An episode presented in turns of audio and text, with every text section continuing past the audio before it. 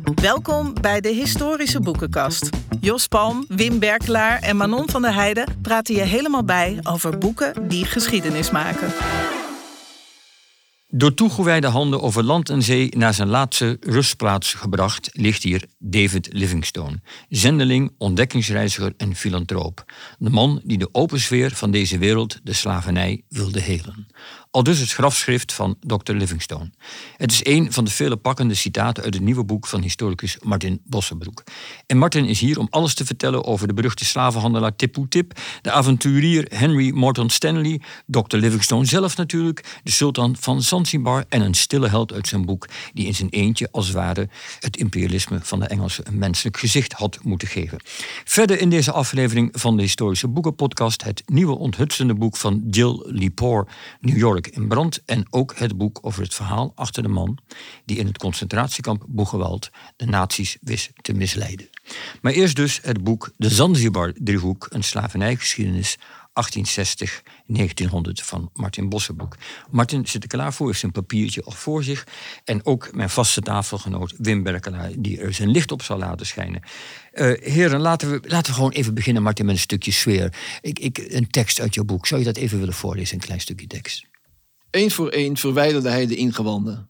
Wat hem opviel waren de ingeteerde, gevlekte longen en vooral een vuistgrote klont gestold bloed in de onderbuik. Die moest de dokter ellendig veel pijn hebben gedaan. Het hart deed hij in een tinnen kistje dat ter plekke werd begraven onder een boeraboom. Na twee weken was het lichaam van Livingstone voldoende ingedroogd. Het werd met gebogen knieën in katoen gewikkeld en in een cilinder van boomschors geschoven, die werd ingepakt in zeildoek. Het hele pakket werd geteerd om het water dicht te maken en bevestigd aan een paal, zodat het door twee man te dragen was, klaar voor vertrek. Tja, Martin, wat horen we hier? Dit, waar gaat het over? Het lijkt wel of Dr. Livingstone als een mummie moet worden ingepakt. Wat is hier aan de hand? Nou, dit is, uh, dit is inderdaad de, ja, je zou kunnen zeggen, de meest aangrijpende, uh, dramaturgisch meest aangrijpende gebeurtenis in het boek. Want het beschrijft uh, de gebeurtenissen na de dood van Livingstone, midden in Afrika, op 1 mei 1873. en het, ja, het is de aanzet voor een gedenkwaardige tocht. Want wat zijn Afrikaanse reisgenoten doen is hem dus inderdaad mummificeren, drogen, laten drogen in de zon, in een, in een open hut. En vervolgens, als hij voldoende, het lichaam voldoende gedroogd is, dan pakken ze het in. Als was het een, een, een baal textiel. Uh, ook om het te verbergen, want het is volstrekt tegen alle Afrikaanse en Arabische rituelen in om, uh, om met een lijk te gaan sjouwen. Want dat is wat ze gaan doen. 1600 kilometer. 1600 kilometer zijn ze van de kust. En ze hebben zich voorgenomen, hebben ze eigenlijk heel snel besloten. We gaan uh, Bwana Daudi, zoals we hem noemen, gaan we terugbrengen naar zijn geboorteland. En, naar ehm, Groot-Brittannië. Wat, wat deed Dr. Livingstone eigenlijk in Afrika en wat doet hij in jouw boek? Nou, hij, is, hij, hij was de grote ontdekkingsreiziger al vanaf 1840 uh, eh, in Afrika, in Zuid- en vervolgens in Centraal-Afrika. Uh, eerst begon als zendeling, maar steeds meer als ontdekkingsreiziger. Uh, en ook arts, maar vooral steeds meer ontdekkingsreiziger. En hij was op dat moment eigenlijk al wereldvermaard door de, door de fantastische reisverslagen die hij had geschreven en had gepubliceerd. En daar was hij al enorm door gelauwerd. En daar, ja, daar sprak een, uh, dat waren voor het thuisfront echt hele tot de verbeelding sprekende verhalen. Maar bovendien zat daar een afschuw in, en echt een enorme diepe verontwaardiging over de vloek van Afrika, de slavernij. This open sore of the world, dus de open sfeer van de wereld, zoals ze hem aanduiden. Ja, en, en, en hij is de man die eigenlijk Afrika opent voor het Westen. Hè? Dus, dus via hem komt het binnen. Ja, dat, is, dat, is, dat klinkt raar, één man. En het is ook een, een, voor ons hele rare gewaarwording om dat te beseffen. Maar het zijn inderdaad eenlingen eenlingen, dus, dus veel Britten vooral, en met name Schotten, dat is heel opvallend, die als ontdekkingsreiziger Afrika intrekken. Uiteraard met een heel uh, gezelschap aan dragers en gidsen en tolken. Maar erop uitgaan om, ja, eerst om uh, Afrikanen te bekeren. Uh, maar vervolgens steeds meer om ook de, dat land in kaart te brengen. En om de bevolking te redden van de slavernij. Hey, en is er een verklaring dat het Schotten zijn? Waarom zijn het Schotten? Ik denk dat daar mijn volgende boek over moet gaan. Want er zijn inderdaad opvallend veel Schotten die zich geroepen voelen om erop uit te trekken en deel te nemen aan het openleggen eerst en vervolgens ook het, het overheersen van Afrika. Ja, misschien waren ze gewoon een beetje uitgekeken op die bergen en koude meren in Schotland natuurlijk. En wilden ze een keer wat anders. Het kan. Het stuk warmer, ja. Laten we even verder stilstaan Ja. bij dat boek van jou. Want je, je boek gaat eigenlijk over het imperialisme, het kolonialisme in Oost-Afrika. Ehm, wat, wat is de situatie? We zitten in midden 19e eeuw. Wat, wat, wat is er aan de hand? Lopen daar zendelingen in en uit? Of hoe moeten we dit ons voorstellen? Nee, het is, de situatie is dat er, dat er een, een ja, het klinkt een, dat klinkt misschien niet goed, maar een bloeiende slavenhandel is. Een, een zeer levendige slavenhandel die anders dan aan de westkust wordt bedreven eh, door eh, Afro-Arabische slavenhandelaren. Die halen hun, ja, de, hun slachtoffers op in het binnenland. En die vervoeren ze niet naar de kust, maar die laten hen lopen en gebruiken hen als dragers. Met name van olifantstanden, dus van ivoor. Dus de ivoorhandel en de slaafhandel gaan hand in hand, letterlijk. En dat, dat gaat om, om, om tienduizenden slaafgemaakte Afrikanen per jaar. En die gaan dan allemaal naar het noorden of naar het oosten. En het oosten is de bestemming het eiland Zanzibar. En daar komen we dus op de titel van mijn, van mijn eh, boek. Want daar is de, de, van, van oudsher de slavenmarkt op dat eiland. En die worden daar, die slaven, eh, slaafgemaakte Afrikanen worden daar verkocht. En daar vandaan of te werk gesteld op eh Zanzibar zelf, op het eiland zelf, op de plantages. Of verder eh, vervoerd naar het Midden-Oosten of naar Indië of elders op de oostkust van Afrika. Ja, en Zanzibar is het, het, het spul van je boek eigenlijk, maar Ja. je gebruikt het om te laten zien. Eh, want, want daar is een of andere gekke sultan aan de macht. En die Engelsen die, die zitten hem voortdurend te pleasen. Eh, Een beetje, Je zou denken, wat, waarom doen ze dat? Nou, het, het, het, eh, de, de situatie is eigenlijk. Misschien moet ik even bijzeggen dat, dat de, de Engelsen, maar met name mijn hoofdpersoon, John Kirk, weer zo'n schot, die daar dus twintig jaar als arts en als consul heeft gewerkt. En die probeert de Britse belangen als consul te behartigen. Maar die is ook, hij was een tijd lang expeditiegenoot van Livingstone, ook de slavenhandel te bestrijden. Om te beginnen dus op Zanzibar, die slavenmarkt daar. En ja, dat, dat proberen ze op allerlei mogelijke, mogelijke manieren. De, de, de Britten hebben, zoals je weet, de slavenhandel en slavernij afgeschaft. Als, als de En wanneer eerste- was dat weer eens even? 1807 de, de slaafhandel eh, afgeschaft binnen het Britse koloniale rijk. 1834 de slavernij. Maar daarmee liepen ze voorop. En dat was nog niet alles, want ze probeerden vervolgens ook andere landen zover te krijgen om te stoppen met slavenhandel. Eerst ter zee, dus door de Royal Navy, hè, door middel van gunboat diplomacy. Dus, ja, dus eh, proberen druk uit te oefenen met marineschepen in de haven. Eh, en dat, dat probeerden ze ook geruime tijd ook eh, op de Indische Oceaan. Niet alleen op de Atlantische Oceaan, ook op de Indische Oceaan. En uiteindelijk is dat, ja, dat abolitionisme, dus dit streven om een einde te maken aan slavenhandel en slavernij, is ook aan land gegaan op Zanzibar.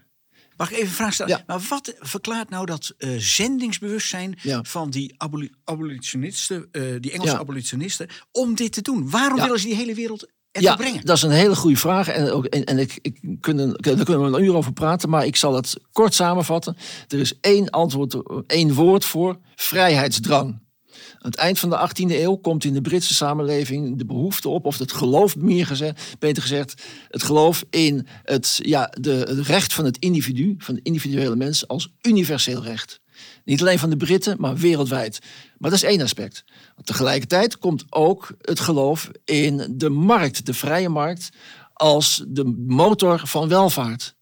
En daar zie je dus ook het economisch liberalisme hand in hand gaan met het humanitair abolitionisme. En dat is in- de hele 19e eeuw de drijfveer van dat Britse streven om de slavernij, de slavenhandel te bestrijden. Goed, maar Martin, wat mij opvalt aan je boek is je, je, je kiest ervoor om te laten zien dat dat kolonialisme, eh, we hebben altijd, zeker in het huidige tijdschrift zijn we gewend te zeggen, kolonialisme is slecht, is fout. En dan krijg je ook het idee, iedereen die kolonist was, was dus ook slecht. Het kan niet anders. Hè? Dat is een beetje het beeld wat nu aan het ontstaan is in de geschiedschrijving ook. En het lijkt ervoor dat jij wat iets anders wilt doen met je boek. Dat je iets wilt laten zien. ehm, dat er nog wat ingewikkelder ligt. En, en dat mensen ook, eh, laten we zeggen, edele bedoelingen hebben. Net als jij net zegt, vrijheidsdrang, 18e eeuw. Dat, dat- kijk, bij de Franse revolutie krijgen slaven geen rechten. Dus hoezo vrijheidsdrang voor zwarte mensen? Eh, wa- wat, wat wil je laten zien eigenlijk? Ehm, ik wil laten zien dat, het, dat, er, dat er bij de, vanuit Groot-Brittannië dus sprake is geweest van een hele intrigerende eh, gedaantewisseling. Eerst in de 17e, 18e eeuw zijn de Britten behoren tot de grootste slavenhandel ter wereld. Dus ze draaien om, wat ik net heb gezegd. Dus dat, dan gaan ze daadwerkelijk de slaven, slavenhandel bestrijden ter zee. En ja, wat je daarover vindt, maar ze doen het wel. Ze bevrijden eh, op de Atlantische Oceaan 150.000 slaafgemaakte Afrikanen. Die krijgen hun vrijheid terug. Hetzelfde op de Indische Oceaan, of hetzelfde in mindere mate. De schattingen zijn ongeveer 20.000. Die bevrijden ze dus. Dat zijn, ja, dat zijn, hoe je het went of verkeerd, voor de betrokken Afrikanen is dat goed nieuws. En die, dus daar zitten dus zowel de, de overtuiging bij dat ieder mens recht heeft op, een, op vrijheid. Maar dus ook tegelijkertijd het bevorderen van de eigen handelsbelangen. Die twee sporen zitten van het begin af aan in. En sommige van de Britse vertegenwoordigers, Livingstone en ook mijn hoofdpersoon Kirk, die geloven in het begin oprecht dat de Afrikanen gered moeten worden. En eh, Livingstone, met, zeker, die heeft zijn hele lang, eh, bijna zijn, zijn, hele volwassen leven doorgebracht in Afrika. In het eh, gezelschap van Afrikanen. En die, ja, die was oprecht bewogen. En eh, eh, ja, Ja, maar erop toch- gefocust om, om dat, hun lot te verbeteren. Ja, nu als ik dit aan mijn dochter uitleg Ja. van eh 28, Ja. eh, zoals het hoort, vrij woke en modern, of van andere mensen in de leeftijd, ja. ja, maar luister eens, er was toch een gedachte dat dat witte ras zichzelf superieur voelde en ze wilden hun beschaving opleggen en hun manier van leven aan eh, de, de, de koloniale eh, mensen in Afrika. Dus, en jij lijkt toch ook met andere ogen te willen kijken en niet zozeer in die witte schuld te willen kruipen. Klopt, hebben we dat goed gezien? Of Wim, hoe kijk jij daarnaar? Laat ik eerst Wim eh Nou ja, zeggen. kijk, persoonlijk vind ik eh, de grote verdienste van dit boek dat het een soort schaarbeweging maakt. Eh, Ik weet niet of ik het goed interpreteer, maar dat is mijn indruk. Namelijk, die Britten beginnen met goede bedoelingen, Martin heeft net gezegd. Maar uiteindelijk gaan ze dat land in Ja. en, en wordt het ook gewoon kolonisch in Ja, zekere zin. klopt. Dus er, er wordt ook iets bezet en beheerst. En uiteindelijk neem je ook dat hele waardepatroon mee van, van die Engelsen. Dus dat Ja. witte waardepatroon. En dat leg je toch ook weer op aan die landen. Zie ik dat goed? Nou, wat, wat de Britten, bedoel, ik, ik druk het eh, op een gegeven moment zo uit. Dus de, de Britten eh, die bevrijden de individuele Afrikaan. Hè, En dat is een humanitaire verdienste. Maar ze pikken zijn land in. Nou, dat is het. Ja, en dat klopt. En dat is het intrigerende, vind ik, van deze geschiedenis, van die hele slavernijgeschiedenis van Afrika. Dat het inderdaad, ja, sorry Jos, maar echt ingewikkeld is. Hè, waar, waarbij het, het is gezamenlijke geschiedenis van de Afrikanen zelf, van Arabieren, van Europeanen en van Indiërs. Die allemaal op een bepaalde manier een rol spelen in dat hele, ja, tragische. Maar Martin, is dit naast in historische kennis ook een, een, een beetje, een, heel voorzichtig gezegd, een klein beetje een dikke vinger naar een trend in de geschiedschrijving? Dat je zegt, ik wil laten zien dat die dingen ingewikkelder liggen en dat op het moment als een land gekoloniseerd wordt, dus ook die kolonisatie onderdeel wordt van de geschiedenis van de mensen die daar wonen en dat ze zich daartoe moeten verhouden. Wil je- wil- is, zit, er, zit er een soort programma achter bij Martin Bosselbroek? Nou, het of is onbewust? al- Als er, als er al een programma achter zit, dan is het dat ik, dat ik heb geconstateerd in, in eerder onderzoek naar Afrika, ik heb over de Boerenoorlog, dat er toch een gebrek is aan kennis in Nederland over de eh slavernijgeschiedenis van Afrika als geheel. En dat is jammer, want die, is, die, die, die slavernijgeschiedenis van, van Afrika is nog veel dramatischer dan wij ons in Nederland realiseren. Want het is niet alleen de westkust, het is niet alleen de transatlantische handel. Het is ook door de Sahara naar het noorden en of, en naar het oosten, alles bij elkaar. Zijn er van de 7e tot de 19e eeuw 25 miljoen Afrikanen slaaf gemaakt en weggevoerd. Nou, dat is een, is een klinisch cijfer, maar je kunt je proberen te voor te stellen wat dat voor diepe ellende voor de betrokkenen is geweest, voor hun dierbaren. En ook, en dat wordt eigenlijk komt in de discussie in Nederland nauwelijks voor, maar ook voor de samenlevingen waaruit ze werden weggerukt. Hè, van de zevende tot en met de 19e eeuw. Dus, dus al die, die samenlevingen zijn, dus daar is sprake van chronische ontwrichting, ontvolking en ontmenselijking. Nou, en dat heeft, vind ik als historicus, vind het onder andere mijn taak om dat soort uh, leemtes in kennis aan te vullen waar ik op stuit. En dat is in dit geval het zo. En tegelijkertijd, Martin, ik weet niet, het is een vraag aan jou. Toen jij dit boek schreef, hè, Ja. had jij het parallel wat ik had toen ik dat boek las? Kreeg ik eigenlijk steeds meer sympathie voor die eh, Sir John Kirk. Je brengt het dichtbij. En hoe, had je, hoe is dat bij jou? We toch even heel kort vasthouden wie dat weer eens was. Dat is de diplomaat van de Engelsen die eigenlijk in zijn eentje ervoor zorgt dat eh, de plannen van de Engelsen om die slavernij af te schaffen, die bouwt langzaam aan een manier, Klopt. aan een methode om dat voor elkaar te krijgen. In zijn eentje daar in een jaar of 20, 30 Ja, opstand. klopt. En, maar tegelijkertijd, en daarom heb ik, vind ik het zo'n fantastische hoofdpersoon. Tegelijkertijd is hij ook directielid op latere leeftijd van die Imperial British East Africa Company. Oftewel, hij is abolitionist uit overtuiging van het begin af aan. Maar hij groeit in die rol van imperialist. En dat vind ik dramaturgisch en historisch interessant om vanuit die tijd 21e eeuwse lezers te laten beseffen van hoe werkte dat nou in die hoofden en die Maar harten. dat betekent dus dat wij, onze voorouders, dat helemaal niet verwerpelijk vonden. Als je dat allebei tegelijk bent. Als je en zowel de, vrijheidsdrang vertegenwoordigt van het individu... Ja. en tegelijkertijd de vrijhandel Ja. verpersonificeert... dan vind je dus dat je daar ook een goede daad mee aan doen bent. En dat klopt. En dan komen we terug wat jij zei over het superioriteitsgevoel. Vanuit hun superioriteitsgevoel van kijk eens, kijk, ze kwamen met stoomschepen, ze kwamen met telegraaflijnen, noem maar op. Ze kwamen met repeteergeweren. Allemaal verworvenheden van westerse moderne technologie. En daaruit trokken ze de conclusie, wij staan zo ver boven wat wij hier aantreffen, dat we in alle opzichten daarboven verheven zijn. En daar heb je het grote, tragische, dramatische misverstand.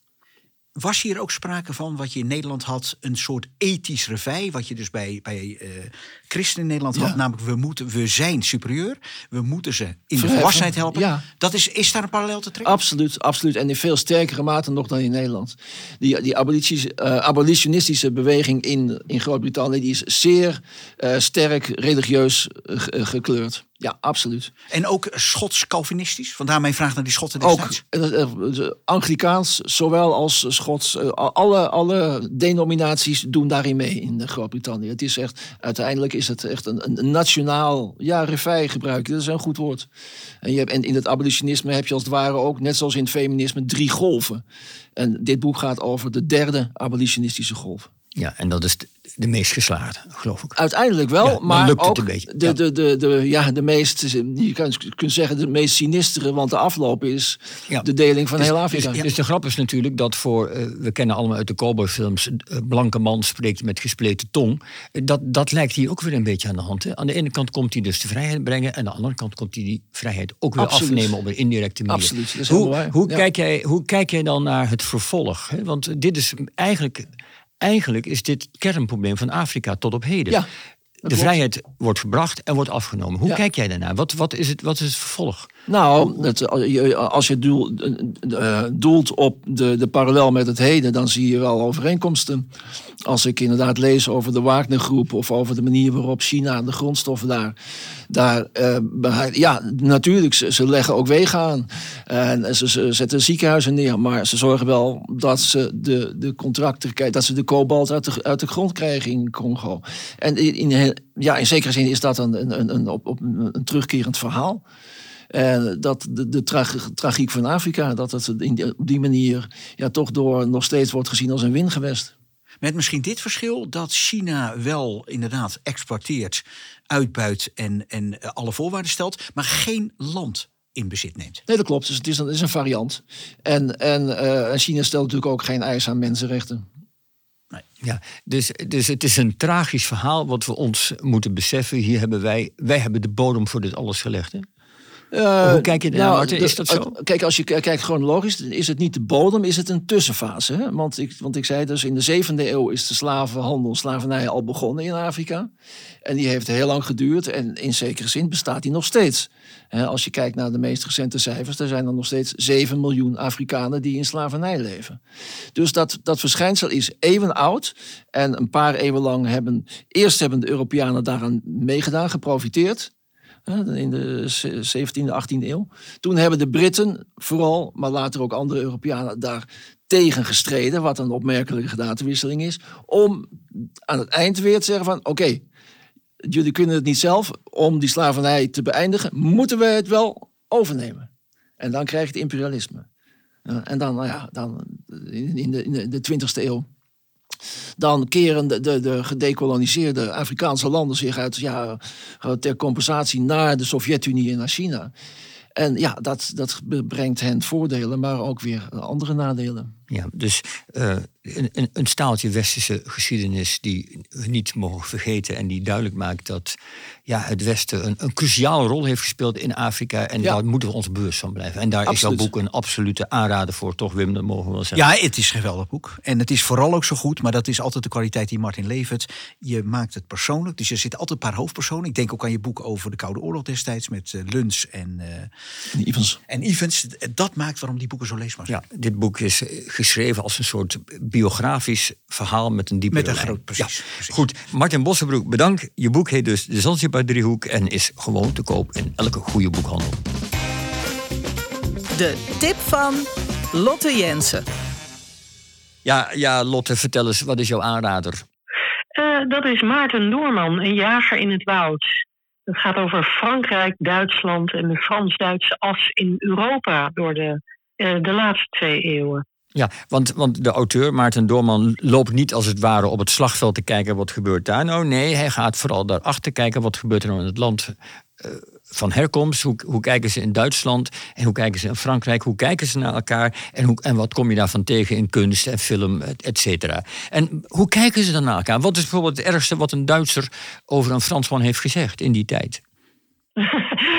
een Duitser over een Fransman. En nou ja, in de tijd dat ze echt vijanden van elkaar zijn, uh, zie je dat die vijandbeelden ook hun weg vinden in uh, de, literatuur en de kunst. Hè? Dus dan is het echt de erfvijand, uh, zou je kunnen zeggen.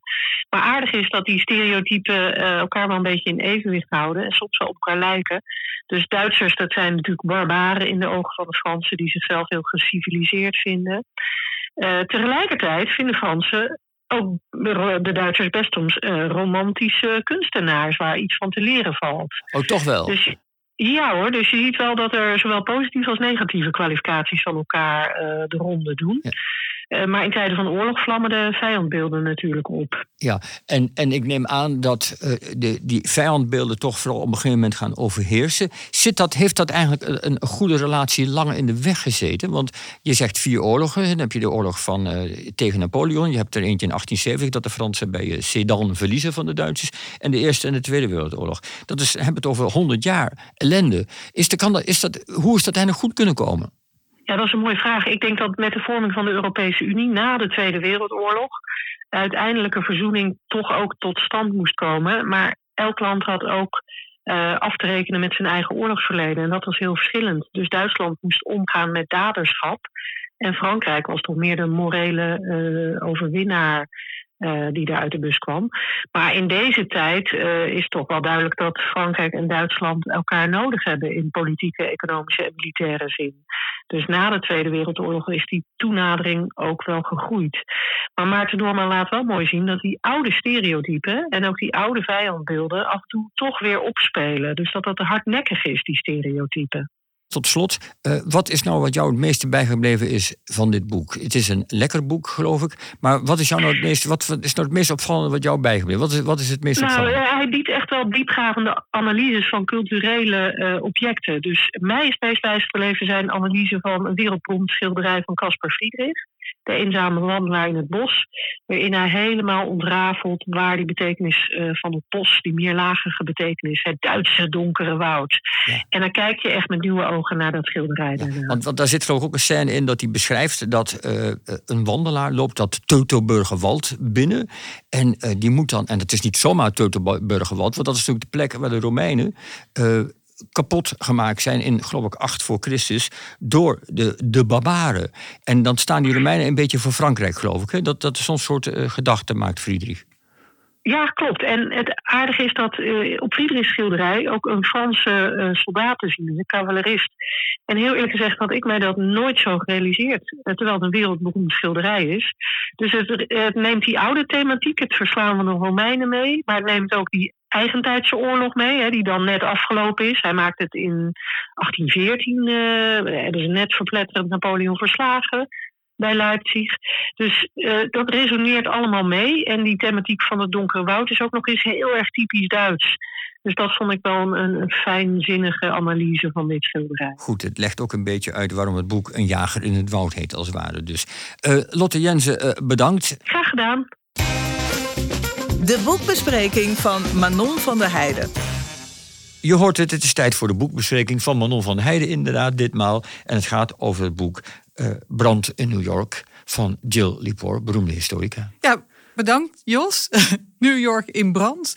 Uh, ja, nou, laat ik beginnen met uh, dit boek van Jill Lepore. Uh, inderdaad, enorm gerenommeerde historica in de Verenigde Staten. Het leest als een detective. Een prachtig eh, geschreven relaas over de branden in New York in 1741. Met de afschuwelijke vervolging van zwarte verdachten die hierop volgden. Nou, waar gaat dit boek precies over? In het kort, in 1741 braken in New York tien hele grote branden uit. Waardoor heel veel woningen en gebouwen werden verwoest. Nou, dat uh, zo'n brand was altijd al de grote angst van steden in deze periode, uh, omdat de meeste gebouwen en huizen van hout waren gebouwd. En uh, dat was natuurlijk ook zo in New York, maar alleen was New York niet zo goed in de brandpreventie. Die hadden wel keurig emmertjes met water klaarstaan, maar niet de meest nieuwe technieken voor brandpreventie. Nou goed, dus dat was altijd al een, een van de grootste angsten. Die branden leidden vervolgens tot grote paniek onder de bevolking. Vooral onder de witte bevolking en onder de rechtelijke macht, zeg maar de witte elite. Vervolgens dachten ze, als er tien branden achter elkaar uitbreken, wat is er aan de hand? Ja, want het gebeurde heel vaak, en dat, dat is heel speciaal, op woensdagavond. Hè? Ja, precies. Ja, inderdaad. dat is wel erg verdacht. En, ja, Althans, de eerste. En uh, dus daar ontstond gelijk het idee over: dit kan geen toeval zijn. En uh, uh, dus men ging bedenken: waarom gebeurt dit? En ons, er ontstond het idee vanuit de heersende witte elite dat er wellicht een slavenopstand aan de hand was. En dat was ook een diep gewortelde vrees onder ja, de witte bevolking. Belangrijk is ook om te weten dat in New York in deze periode 20% van de bevolking uit bestond. Dat is dus een enorm groot percentage. Dat kennen we in geen andere stad in deze periode. Uh, uh, daarnaast waren er heel veel slaven uit het Caribische gebied, waar veel opstanden kwamen. Dus. Uh, 1 is 2, zeggen ja, we dan. Precies. Ja. Met het gevolg uh, enorme vervolging van slaafgemaakten die in New York woonden. En uiteindelijk resulterend in 13 zwarte mannen die werden tot de brandstapel veroordeeld. 17 werden opgehangen. 84 werden verkocht als slaven naar het Caribische gebied. En er werden twee witte mannen en, en twee witte vrouwen opgehangen. Uh, Ongelooflijk dus. Ja, dat is pittig, uh, zeggen we dan. Ja. Uh, maar. En dat tot de brandstapel, zat daar nog een soort symbool achter van als je de boel in de fik zit, zul je zelf ook branden? Nou, nee, de, uh, dat hoorde eigenlijk bij een halsmisdrijf. En dat is het plegen van een, een, een, een brand met dood van mensen tot gevolg. Dus de ergste straf krijgen. Deze mensen moesten gestraft worden. En vooral natuurlijk ook met het idee van ze hadden een complot gesmeed. Althans, dat idee ging langzamerhand ontstaan tijdens dat hele proces. Ja, en waar kwam dat dan vandaan? Ja. En was er enige grond voor? Wat was het verhaal? Ja, nou ja, dat is een, heel, dat is, uh, een goede vraag. Uh, uh, bij een van die branden uh, wordt uiteindelijk een zwarte man opgepakt. En daarna gaat dat idee ontstaan. En uh, degene die dat proces leidt, dat is uh, een, een, aanklager of een, een, rechter in New York, Daniel Horsmanden. En die zette de boel in werking. Die heeft, nou, uiteindelijk waren er 152 zwarte personen en 20 witte personen gearresteerd. Die werden verhoord, waarschijnlijk ook met tortuur. onder druk gezet om te verklaren. Maar wat lag er? Uh, het, het, bewijs was flinterdun. Er was eigenlijk maar één witte bediende, Mary Burton, die bekende onder druk. En die zei dat ze was een bediende uh, van iemand die een kroeg had. In die kroeg kwamen zwarte en witte samen. En uh, zij heeft verteld dat daar een complot werd gesmeed. Maar dat is het enige eigenlijk dat we hebben aan bewijs. Dat is een heel zwak bewijs. Ja. Een, een getuige in een kroeg. Ja. En, ja. En dan? dan, dan is dat, dus, dat is dus kennelijk voldoende. Ja, daar en vervolgens uh, gaat, gaat dat rollen. Hè. De een naar de ander wordt opgepakt. Iedereen uh, bekend ook in, in paniek dat ze dingen hebben gedaan. Uh, maar de vraag is wat er natuurlijk daadwerkelijk is gebeurd. En uh, nou, wat Jill Lepore uh, beschrijft is niet alleen hè, van wat de motieven zijn geweest van eventueel die slaafgemaakte. Maar zij kijkt vooral naar wat die rechter, Daniel uh, Horsmenden, uh, wat die voor motief zou hebben gehad om dat hele proces zo uit te breiden ja, en, en, en, een complot dat, zeg maar daarin ja, te en zien. Wat, wat zou dan zijn motief zijn geweest? Ja, nou ja, uh, zij stelt dus dat het eigenlijk gaat allemaal om een, om politieke affaire. dus zij zegt het gaat eigenlijk helemaal niet om een complot van slaafgemaakten die branden gingen stichten. Maar het gaat om een soort genoegdoening van die Daniel Horsmenden Tien jaar daarvoor was er namelijk een heel ander proces, het Zengerproces. Dat ging over de persvrijheid. Uh, uh, daar zou de partij zeg maar, van, die, van die rechter in hebben, uh, ja, hebben verloren. en hij zou ja, daardoor voor eeuwig bang zijn geworden voor andere politieke partijen. En de zwarte slaafgemaakten zouden ook als politieke macht worden gezien. Jill Lepore ja, stelt dus... Maar dan is het dus helemaal geen sprake van uh, racisme of van al dat soort dingen. Nee, Dan is het gewoon een machtsstrijd van een, zeg maar, een paranoia-rechter. Althans, dat is haar stelling. He, dus ja. ze zegt, het, gaat allemaal om politiek. En wat vind je daarvan? Want nou, ik dit, vind dit valt dat, ons een beetje uh, tegen. Ja, ja. Je hoopt altijd dat dit Ja. allemaal uh, eenduidig via uh, slaven, racisme en, en, en alles wat er aanhangt Ja. te verklaren Nou, ik vind dat ook ingewikkeld Speelt- aan in het boek. Want, maar is het eh, waarschijnlijk haar verhaal? eh, ehm, Haar, haar Ik denk van niet. Ik denk van niet. Ik, ik, denk, ik vind het een interessant verhaal. Het is een interessante hypothese. eh, maar ze gaat eigenlijk niet in op het hele verhaal van slavernij. Wat ook economisch is, wat racistisch is. En ze heeft daarop ook kritiek gekregen in de Verenigde Staten. Op, op de- deze theorie die ze eigenlijk poneert. Stellen mensen dan een- daar een plausiebeler theorie tegenover? Ehm, nou, de meer waarschijnlijk is geweest dat er inderdaad eh, een algemene angst was eh, voor opstanden van slaafgemaakten. Eh, de hele situatie was er ook naar. Hè, dus de periode waarin dit gebeurt was in een winter. Het was heel koud. het vroor. dat maakte vooral de arme bevolking heel erg bang. Hè, die die moeilijker, nog moeilijker rond konden komen. zich al voelde dat, dat heel veel slaven hun concurrent waren.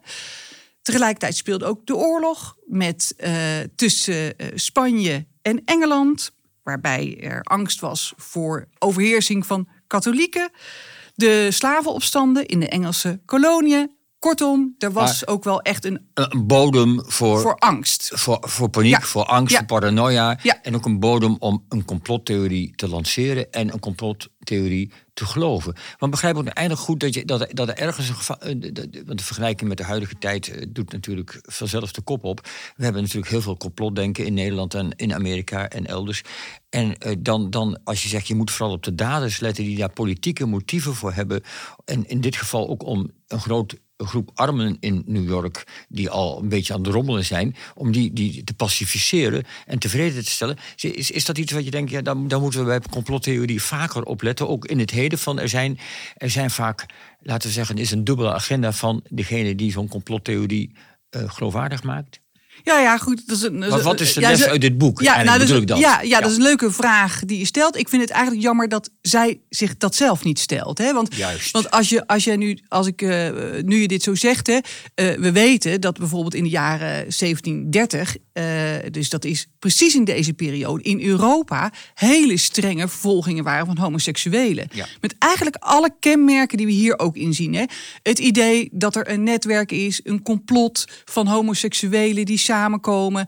Enorme paniek die dan uitbreekt. Met enorme vervolgingen waar homoseksuelen worden opgehangen. Ook met tortuur. En daar zie je eigenlijk dezelfde patronen. Dat heeft eh, in Nederland heeft dat plaatsgevonden, maar ook in Engeland. Ja. Eh, en je zou dus denken van, we zien hier een veel breder patroon. En eh, ik had het natuurlijk heel interessant gevonden als Dus- Jill Lepore daar ook wat Ja, meer was, dus op in was eigenlijk stelt ze gegaan. je een beetje teleur. In, niet in het verhaal wat ze vertelt, misschien, Eh, maar in wat ze ermee doet. Nee, ja. En, en, en zeg je bij een algemene theorie en, en gedachtenvorming over van als wij in die tijd het normaal vinden om homoseksuelen te vervolgen, dan moeten we er ook op letten dat hetzelfde bij slaafgemaakte het geval kan zijn als de samenleving in paniek raakt. En dat heeft ze eigenlijk, ze heeft iets fundamenteels laten liggen. Dus Ja, tot ter afsluiting. Nou, maar mogen we ja, dat zo, als zo hi- stellen? Als historica ben ik teleurgesteld. Maar ik moet wel zeggen, eh, ik wil even nog wel een pleidooi houden voor dit boek. Want het is wel het is een prachtig geschreven boek. Eh, wat ze heel knap doet, is dat ze laat New York zien in zijn tijd met alle facetten. Ze beschrijft New York. Ze heeft ook methoden gebruikt eh, waarbij je alle locaties van de gebeurtenissen voor je ziet. Je loopt feitelijk door New York heen terwijl eh, die vervolging plaatsvindt, er die paniek is, er misschien wel of niet complotten worden gesmeed in kroegen. En, En- dat en is wat ze heel goed en doet. je hoort waarschijnlijk heel veel Nederlands praten nog in die tijd. Ja, nou, dat is- dat is- ja, dat tot natuurlijk. slot helemaal. Hè? Ja, want- ik geloof 60% is Nederlander nog of Nou, van oorsprong. Nou, van de witte bevolking is 40% Nederlands. eh, en 50% eh, zijn Engelsen. En wat misschien ook wel heel interessant is om even nog te bedenken, is dat van die slaven eh, die veroordeeld werden, en, eh, eh, daar was het merendeel was een eigenaar, een, een Nederlander. Dus inderdaad, Nederlanders speelden een prominente rol in deze periode in New York. En dus ook in dit verhaal. Manon, de titel, dat weet jij beter dan ik. Zeg het nog even één keer. Ja, New York in brand, vrijheid, slavernij en samenzwering in 18e eeuws Manhattan. Juist, bedankt.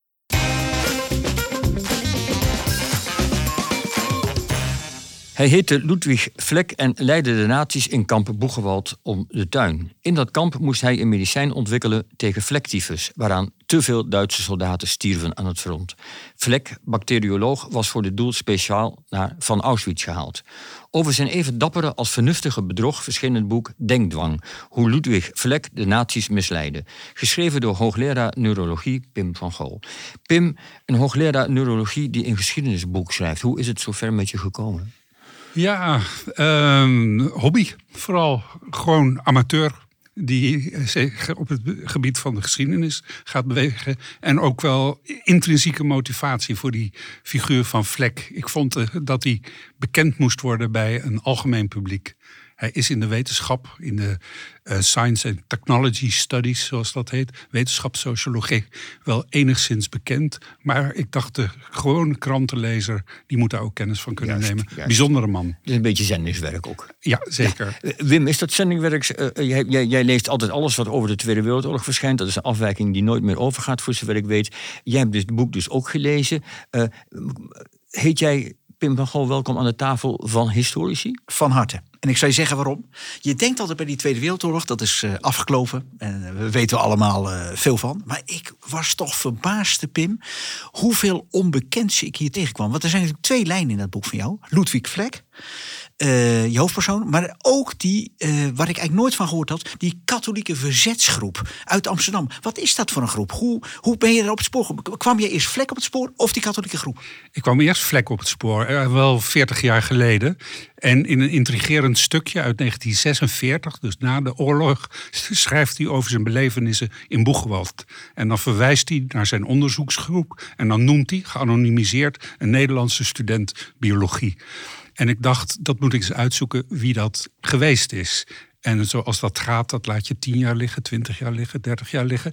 En dan wordt het coronatijd en denk, dit is het moment. Nu ga ik echt eens uitzoeken wie dat geweest is. Met enige hulp heb ik die naam kunnen achterhalen. En toen kwam ik in het Arelson-archief, wel bekend, neem ik aan, eh, zijn administratiekaart in Boegewald tegen. En daar stond een Amsterdams adres op, Scheldestraat nummer 4. En dat is bij mij om de hoek. Ik dacht, dat is wel erg toevallig. Ik ben even langsgelopen natuurlijk. En eh, op die administratiekaart werd ook verwezen naar iets wat groots werd aangeduid als het Nederlandse Oranje Leger. Ik dacht, ik heb nooit van dat leger gehoord. Ben gaan kijken, eh, onder andere bij de Jong en dergelijke. En ehm, ja, die term oranje leger, dat blijkt nogal wat een beetje, een beetje uh, wat, wat, al te groots geweest te zijn. Want het, het was, was, een eigen aanmoediging waarschijnlijk. Nou, het was vooral een aanduiding van de SD-agenten die die groep hebben gearresteerd. Die wilden hun eigen werk belangrijker maken. Want het was eigenlijk een verzetsgroep in oprichting. Zoals gezegd, in de rivierenbuurt, in de Amsterdamse pijp. En dat bleek gegroepeerd te zijn rond de Vredeskerk in Amsterdam. Goed, uh, we, komen er dadelijk vast nog op terug, maar we gaan toch even, even, even een beetje heel voorzichtig even één voor één afpellen.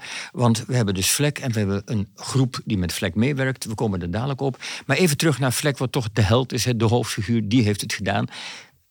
Uit, uh, man uit Lviv, Lemberg. Uh, stel hem even aan ons voor.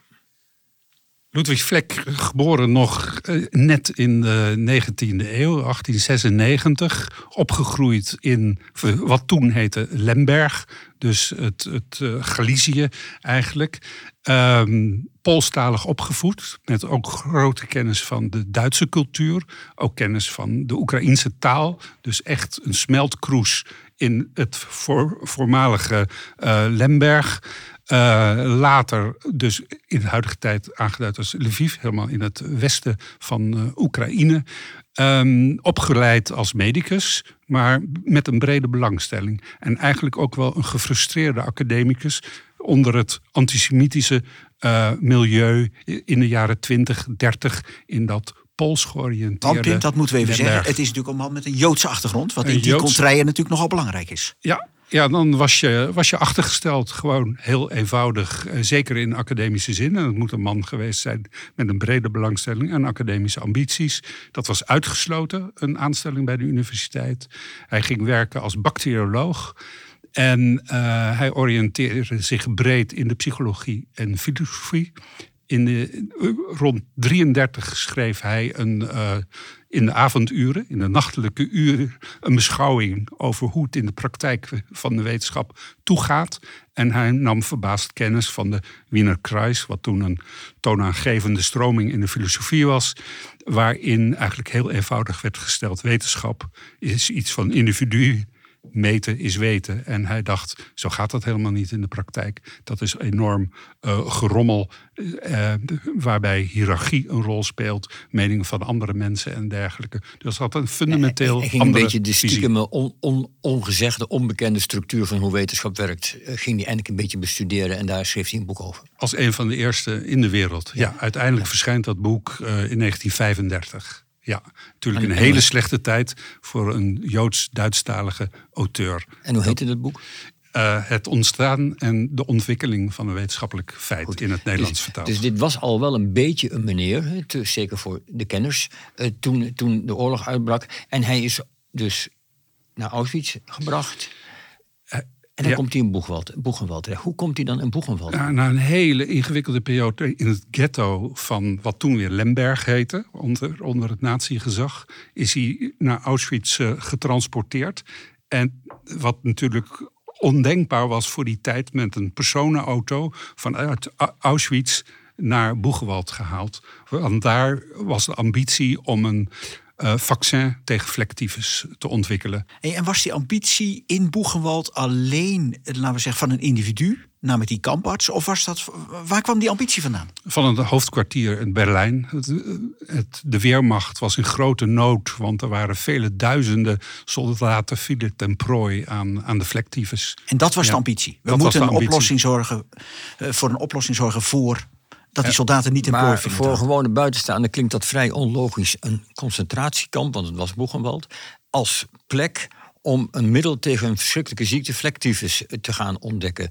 Hadden ze daar dan een laboratorium voor? Hadden ze de apparatuur? Hoe, er werd een speciaal gebouw neergezet en een laboratorium opgericht. Uh, ja, en er werd uh, zo goed mogelijk probeerde men expertise in het laboratorium samen te brengen. Waaronder dus Ludwig Vlek.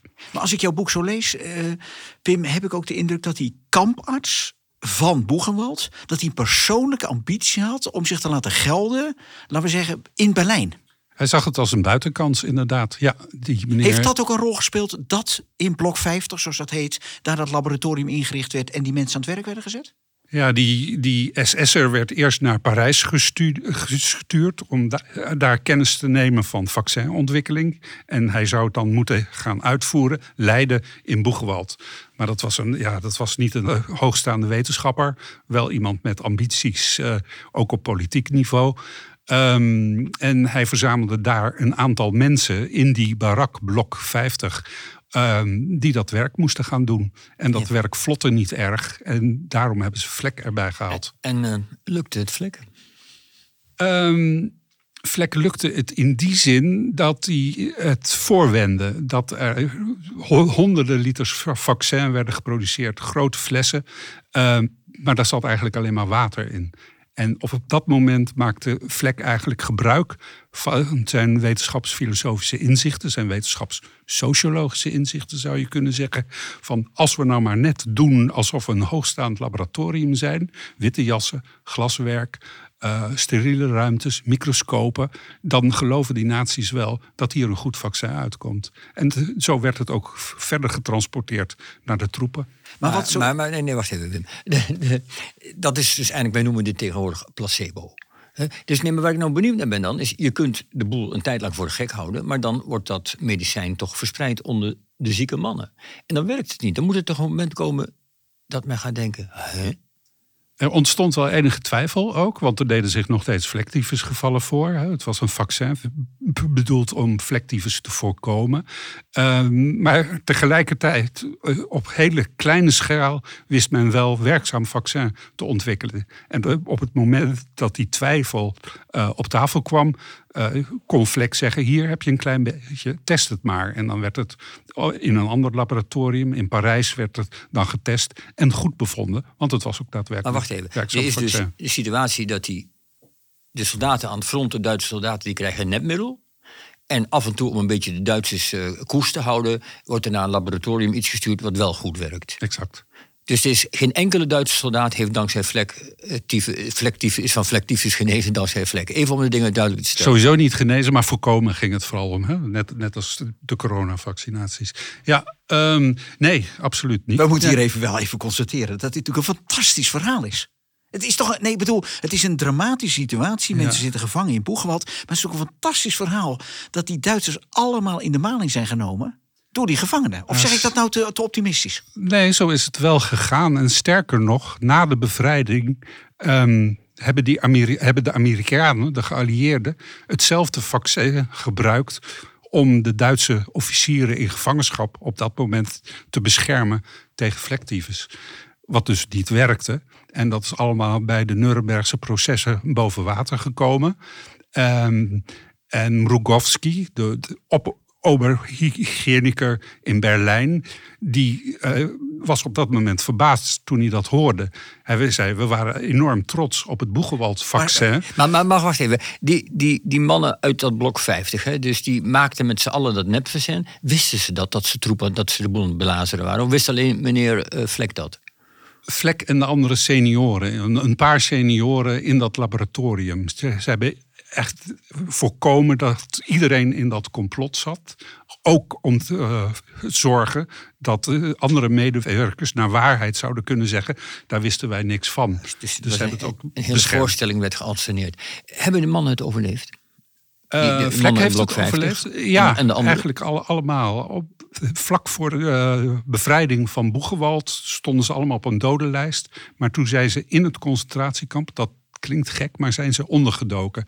Het was natuurlijk een groot terrein waar op dat moment, moment 30.000 mensen waren. Dus ehm, in de riolering, in kelders, op vlieringen en dergelijke zijn ze ondergedoken. Ja. Heeft Vlek ooit eh, de, de erkenning gekregen waar hij recht op had als eh, held die mannen gered heeft? Ehm, 50 man, 60 man? Nee, eigenlijk niet. En ook niet als iemand die een heel belangrijk wetenschapssociologisch inzicht eh, op papier had gezet. Eh, Want eh, dat vind ik het fascinerende. Wat hij in Boegewald eigenlijk deed, was gebruik maken van zijn inzichten uit de jaren 30 over hoe het werkt of kan werken in de wetenschap. Ja. En dat is eigenlijk totaal miskend. Ja, altijd. want wij, wij, zijn, eh, wij weten niet veel van wetenschap af, maar wat we dan als, als historici net geleerd hebben in onze opleiding, dat in 1962 Thomas Kuhn als wetenschapsfilosoof schreef de structuur van wetenschappelijke kennis. En die toonde eigenlijk kennelijk dachten wij tot nu toe als eerste aan hoe wetenschap ook maar gewoon een winkeltje is waar men elkaar napraat als iemand eenmaal de grootste mond heeft. Ik zeg maar even heel simpel. Uh, maar dat had meneer Vlek dus eigenlijk al eerder ontdekt. Ja, en dat wist Thomas Koen heel waarschijnlijk. Die Oh, had ja? dat al eind jaren 40 bij Vlek gelezen. Dat boekje is teruggevonden in zijn persoonlijke bezittingen. Met allemaal aantekeningen in de kantlijn en de- en dergelijke. En Koen, Thomas Koen, he- heeft heel terloops in zijn voorwoord, uitsluitend in zijn voorwoord van dat beroemde boek, in een noot naar Vlek verwezen. Is het, is het mogelijkerwijs een gevalletje plagiaat? Ik zou dat wel zo durven noemen. Ja, ja. Vlek, Koen heeft gewoon eigenlijk Vlek overgeschreven. Tot op zekere hoogte, tot op grote hoogte. Ja. Hey, en Vlek die sterft in, eh, in 1961. Ja. Heeft hij ooit iets van faam gekregen of sterft hij verbitterd? Want je, schrijf, je zegt in het begin van het gesprek, zei je ook... eh, een beetje gefrustreerde wetenschapper, niet aan de, eh, geen echte kans gehad. Heeft hij nog iets van erkenning geproefd? Hij had eigenlijk twee carrières. Een hele succesvolle carrière als bacterioloog. Hij heeft hij echt op hoog niveau gepubliceerd. Eh, maar hij was toch een beetje miskende wetenschapssocioloog, wetenschapsfilosoof. Ja, dus zekere miskenning is hem ten deel gevallen. Zijn boek eh, 1935 is tussen de jaren 40 en 60 ongeveer 50 keer verkocht. Dus dat is heel minimaal. Terwijl Thomas Kuhn uiteindelijk een mil, eh, ex- eh, 100 boe- of miljoen boeken verkocht heeft. Ja. Goed, de schatplicht van Thomas Koen aan eh, meneer Vlek is absoluut vastgesteld. Ook vastgesteld dat hij een iets hardhaftigs gedaan heeft door heel veel mensen te redden via een bedrog van de naties in Boegenwald. Eh, je boek heet dus Denkdwang, Pim van Gool. Nou, bedankt voor je komst. Graag gedaan. Wat staat er deze maand in Historisch Nieuwsblad? Aangeschoven is inmiddels Bas Kromhout, hoofdredacteur van het Historisch Nieuwsblad. Daar moeten we duidelijk in zijn. On, eh, onze mecenas van deze podcast dus. Bas Barslos, wat is het beste, spannendste, belangrijkste, opzienbarendste artikel in het aprilnummer van het Historisch Nieuwsblad naar mening van de hoofdredacteur? Nou, als ik mag, wil ik even twee dingen uitlichten. Eh, het gaat om het aprilnummer. Eh, de cover wordt gesierd door de tekst Zegen voor de Geuzen en een schilderij uit de 19e eeuw van het ontzet van, van Alkmaar. Eh, dat wordt dit jaar gevierd, dat het 450 jaar eh, geleden is. Zoals er ook eh, vorig jaar eh, in Brielen feest is gevierd en er ook binnenkort feest gevierd zal worden in Haarlem en, en Leiden. Eh, want het zijn jubileumjaren eh, als het gaat om de 80-jarige oorlog. Eh, nu heeft eh, Thomas von der Dunk, die heeft een prachtig stuk geschreven over hoe eh Alkmaars ontzet eh, in 1873 werd gevierd. Of eigenlijk drie jaar later, toen het eh, werd onthuld. Eh, Victorientje eh, genoemd in een volksmond van de Alkmaars, de Maarders. Ehm, en eh, zoals altijd als er iets herdacht wordt, is er bonje, is er heibel. En dat was ook toen zo, eh, want het was te- tegelijkertijd de, de periode waarin eh, de katholieke emancipatie eh, opkwam. En voormannen van de katholieken, en natuurlijk met name de beroemde Alberding Tijm, die was het totaal niet eens met de manier waarop de opstand werd herdacht. Nee, wij, wij hadden wat te rouwen in plaats van te Precies, vieren, wij hij- katholieken. Ja. Bijvoorbeeld, Ja. volgens Albert Tijm was de opstand een, een illegale eh, rebellie tegen het wettelijk eh, Spaans-katholieke gezag. Dat dus was ook niet zo handig van, van meneer Tijm, om het zo uit te drukken. Maar ga, ga door. Nou ja, het, het, laat in ieder geval zien hoe, hoe diametraal tegenovergesteld de perspectieven waren. Thomas heeft daar een prachtig stuk over geschreven, hoe, hoe de, de verschillende posities lagen en hoe men elkaar polemisch te lijf ging. Wat daar zo wel aardig is, is dat ook de zeer eh, orthodoxe protestanten, eh, die groep, was ook niet blij met de, met de viering. Want die vond dat het veel te veel een, een, een liberaal eh, feestje werd. Het ging te weinig eigenlijk over de, over de religieuze strijd die volgens hun centraal stond in, in de opstand. En, en, en je zegt ook, er is ook een stuk over Willem van Oranje in hetzelfde nummer. Klopt. Ehm, Willem van Oranje heeft de laatste tijd begint langzaam maar zeker een, ook af en toe een wat slechte naam te krijgen. Ja, klopt. Ik, bijvoorbeeld in de achterhoek waar ik vandaan kom, daar wordt wel eens gekscherend gezegd niet de vader, maar de verrader des vaderlands voor ons. Mhm. Want er zijn heel veel van de onze gesneuveld voor die zaak daar in het westen. Ja. Eh, eh, is daar iets van aan? Is er iets van waar? Hoe, hoe kijkt bijvoorbeeld de man die dat artikel schreef daarna? Nou, het interessante, eh want je hebt gelijk, hè, de- er wordt in andere delen van, van, van Nederland dan, dan eh, Holland, waar, waar al die bekende eh, steden zijn ontzet, wordt er anders tegenaan gekeken tegen de opstand eh, soms. Omdat ja, de, de, de oorlog die gevoerd werd, die, die was natuurlijk ook heel, heel eh, verwoestend voor, voor, voor het land, voor, voor dorpen. Eh, beide partijen maakten zich schuldig aan, eh, aan, aan het op grote schaal vermoorden van, van de, de tegenstander, het, het, het verwoesten van oogsten, het plaplanden van boerderijen enzovoort. Ehm, het interessante, eh, we hebben een stuk van René van Stipriaan, de biograaf, eh, die heeft geschreven over hoe, Willem daar zelf tegenaan keek. En hoewel hij natuurlijk niet van verantwoordelijkheid geworden vrijgepleit als leider van de, van de, eh, van de opstandelingen, eh, dacht hij daar wel degelijk over na en probeerde die- de, de grootste excessen tegen te gaan. En de beruchte geuzenleider Willem van der Mark, graan van Lumey, die heeft hij op een gegeven moment daar om die reden aan de kant gezet. Hij heeft hem laten gevangen nemen. eh, omdat eh, ja, die maakte het gewoon te bond met het, eh, met het afslachten van de katholieken en van, van geestelijken. En Willem had wel goed in de gaten dat dat, dat ten koste zou gaan aan, ja, aan de eenheid van het land die hij probeerde te bewerkstelligen. En wat voor mij nieuw was, eh, Bas, in Ja. dat stuk, dat mooie stuk van René van dat wist ik eigenlijk helemaal niet, dat die Lumey eh, een aantal jaar na die gevangenschap ook nog helemaal bekeerd raakt tot katholicisme en in dienst treedt van eh, de staatsgezinden. Je, je bedoelt, Wim, het liep toch nog goed met Lumey af. Hij- hij- hij- ja, in jouw ja, ogen. ja. Hij liep over, ja, hij liep daar niet goed hem af, want hij, want hij is later eh, vermoord. Eh, we weten niet precies wie erachter zaten. Eh, misschien dat complotdenkers eh, eh, nog het idee eh, nou, kunnen vasthouden dat Willem eh, hem toch nog eh, te weg heeft laten ruimen. Goed. Wim, heb jij, het ook, jij hebt het ook even mogen doorsnuffelen, eh, het historisch nieuwsblad wat in april uitkomt. Is er jou nog iets kort en krachtig opgevallen wat er ook in staat? We zeggen, moet je even lezen. Behalve het stuk eh, wat eh, over die 19e eeuw, hè, die strijd rond eh, de herdenkingen, dus eh herdenken van de opstand, vond ik een mooi stuk over Chili. Het is nu 50 jaar geleden, 1973, eh 2023. En daar staat, wel bekend, ook bij OVT, het radioprogramma, Jan van de Putten haalt herinneringen ook op aan eh, hoe eh, de eh, Salvador Allende herdacht werd en hoe daar naar gekeken werd. En hoe ook Allende eigenlijk een held eh, in de jaren zeventig. Hoezeer die, hoeveel fouten die maakte. Hoezeer die, die dat leger onderschatte. Mooi stuk. Ja, eigenlijk over het probleem van Zuid-Amerika, dat je dat leger nooit genoeg kunt overschatten. Nou ja, dat blijkt uit dit stuk Goed, d- dankjewel. Eh ja, wat hebben we dan nog meer ter tafel, jongens? Niet zoveel meer. We gaan er langzaam zeker een punt achter zetten. Ik kijk nog even naar Martin of naar Wim of, of naar Bas. Nog iets van betekenis waarvan je zegt, dat moet ik nog even kwijt voor de, voordat we de tent sluiten over een boek of iets wat je gezien of gelezen hebt? Hoeft niet, mag wel. Ik wil nog wel even iets zeggen over een boek. En dat heet De Marxistische Erfenis van het Aggiornamento. Het Aggiornamento, dat is het bij de tijd brengen van de katholieke kerk. Dat is een heel dik boek. Iets wat specialistisch, maar toch heel interessant over de jaren zeventig. En dat gaat over de socialistische uitgeverij Nijmegen. Eh, activisten daaromheen. Wat die mensen bracht tot het activisme, tot het radicale marxisme. En hij zegt, en dat zal eh, eh, jou zeer deugd doen... dat heeft alles te maken met die diepe katholieke wortels. Ze vallen ervan af.